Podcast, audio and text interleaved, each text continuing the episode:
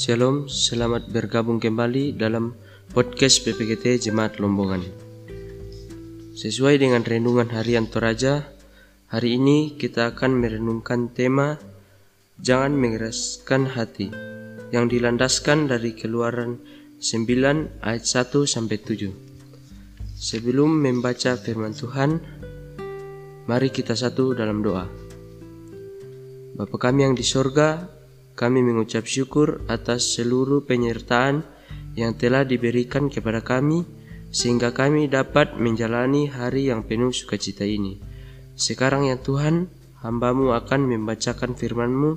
Semoga firman Tuhan yang disampaikan kiranya dapat menjadi petunjuk dan penolong bagi kami dalam menjalani kehidupan kami. Terima kasih Tuhan, hanya dalam namamu kami menyembah. Haleluya, amin. Keluaran 9 ayat 1 sampai 7. Firman Tuhan, penyakit sampar pada ternak.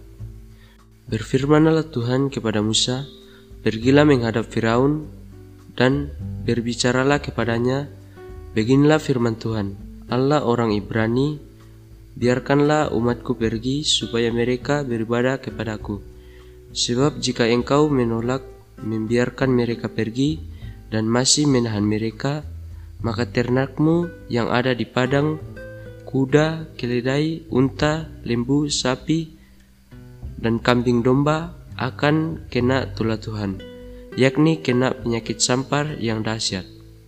Dan Tuhan akan membuat perbedaan antara ternak orang Israel dan ternak orang Mesir, sehingga tidak ada yang akan mati seekor pun dari segala ternak orang Israel. Selanjutnya Tuhan menentukan waktunya firman-Nya, Besoklah Tuhan akan melakukan hal itu di negeri ini. Dan Tuhan melakukan hal itu keesokan harinya. Segala ternak orang Mesir itu mati, tetapi dari ternak orang Israel tidak ada seekor pun yang mati. Lalu Firaun menyuruh orang ke sana, dan sesungguhnya lah dari ternak orang Israel tidak ada seekor pun yang mati, tetapi Firaun tetap berkeras hati dan tidak mau membiarkan bangsa itu pergi. Amin. Tema renungan kita Jangan mengeraskan hati. Tidak sedikit orang yang akhirnya gagal meraih hal-hal yang dirindukannya karena kekerasan hatinya yang tidak mau mendengar nasihat dan teguran dari sesamanya. Akibatnya, ia jatuh dan gagal karena tidak mendapatkan apa-apa.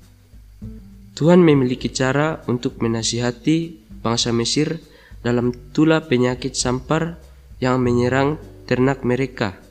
Ayat 3 Namun Firaun tetap mengeraskan hatinya sekalipun telah menyaksikan penderitaan rakyatnya. Ayat 7 Akhirnya Allah kembali mendatangkan tulah bara di seluruh negeri. Ayat 10 sampai 11 di mana bara tersebut berasal dari debu jelaga dapur yang dihamburkan ke udara di depan Firaun hingga menjangkit manusia dan hewan di Mesir. Pada saat itu, para ahli Mesir maupun seluruh rakyat menyaksikan bahwa tidak ada satu orang pun yang dapat melawan Allah Israel. Bahkan Allah Mesir sekalipun tidak dapat menahan Allah Israel saat dia menunjukkan kuasanya. Mengeraskan hati seperti Firaun hanya akan mendatangkan kerugian besar bagi diri dan orang lain. Firaun sudah merasakan tulah pertama sampai tulah yang keenam, tetapi sikap Firaun tetap berkeras hati. Walaupun ia telah menyaksikan tulah-tulah tersebut, Firaun seolah tidak mau peduli akibat yang ditimbulkan oleh tulah-tulah yang menimpa diri dan rakyatnya bahkan memandang enteng tulah-tulah ayat 12. Melalui sikap Firaun, kita dapat belajar bahwa jika tetap mengeraskan hati terhadap sikap melawan Allah, maka kita akan beroleh sesuatu yang dapat membuat kita jauh seperti bangsa Mesir atas sikap Firaun sebagai raja yang tetap berkeras hati. Karena itu, janganlah keraskan hatimu, tetapi percaya dan ikutilah perintah Allah. Amin. Mari kita berdoa. Kami bersyukur atas penyertaan-Mu Tuhan sepanjang pembahasan firman tadi.